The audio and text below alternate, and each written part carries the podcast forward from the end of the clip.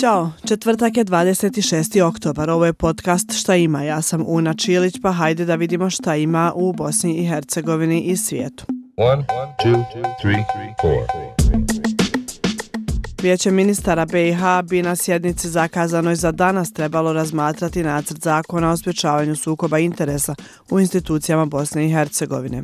Na dnevnom redu bi trebalo da se nađe i prijedlog odluke o osnivanju radne grupe za izradu zakona o graničnoj kontroli, a pred ministrima će se između ostalog naći i informacija o izradi plana tranzicije u upravljanju migracijama, kao i informacija o provedbi plana i mjera aktivnosti za efikasno upravljanje migrantskom krizom u BiH zaključno sa 30. junim ove godine. A u Bosni i Hercegovini je sve više migranata, ali se ove godine kraće zadržavaju. Trenutno u centru Lipa kod Bihaća boravi 1120 migranata, a prosjek njihovog zadržavanja je 6 dana. Kako se njihov put otprilike odvija od matične zemlje pa do BiH, koja im je obično stanica ka Evropskoj uniji, ispričao nam je Mohamad iz Pakistana. Napustio sam svoju zemlju prije dva mjeseca. Došao sam preko Irana, Turske, Bugarske i Srbije, a onda sam stigao u Bosnu. Bilo je izuzetno teško. Vidio sam kako mnogo ljudi umire na putu jer nisu imali šta jesti ni piti.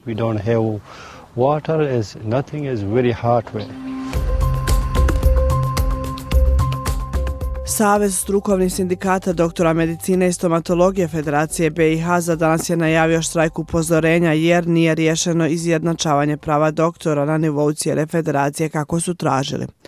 Izjednačavanje prava tražili su dva puta, a evo šta nam je u šta ima ranije rekla predsjednica sindikata doktorica Marina Berberović šta je zapravo problem. Mi danas u zdravstvu imamo situaciju da doktor sa istom specijalizacijom, istim zanimanjem, skoro istim opisom posla, ima za 50% veću plaću u Sarajevu nego što ima u Orašju recimo. To su velike razlike koje nažalost ne mogu održati stabilan zdravstveni sistem, tako da naš ovaj zahtjev za ujednačavanje prava nije samo borba da se plaćaju ujednače nego i za održanje stabilnog zdravstvenog sistema gdje će stanovništvo imati zdravstvenu zaštitu sa dovoljnim brojem zdravstvenih radnika.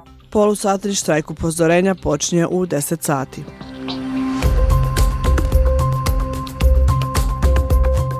A u Sarajevu i tribina o ženskom mirovnom aktivizmu koju organizuje Srpsko prosvjetno i kulturno društvo Preporod.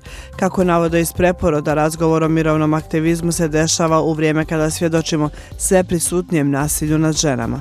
Predavačica na tribini biće doktorica Zilka Spahić-Šiljak, doktorica nauka iz oblasti rodnih studija. Događaj je besplatan za sve i počinje u 18 časova. I još jedna zanimljivost za kraj. Sve više mladih evropljana se odlučuje za manje porodice i život bez auta kako bi pomogli u borbi protiv klimatskih promjena. Istraživanje koje su iz Jugova radili za Guardian pokazuje kako mladi, mnogo više nego stariji, su spremni da naprave velike životne promjene zbog klime.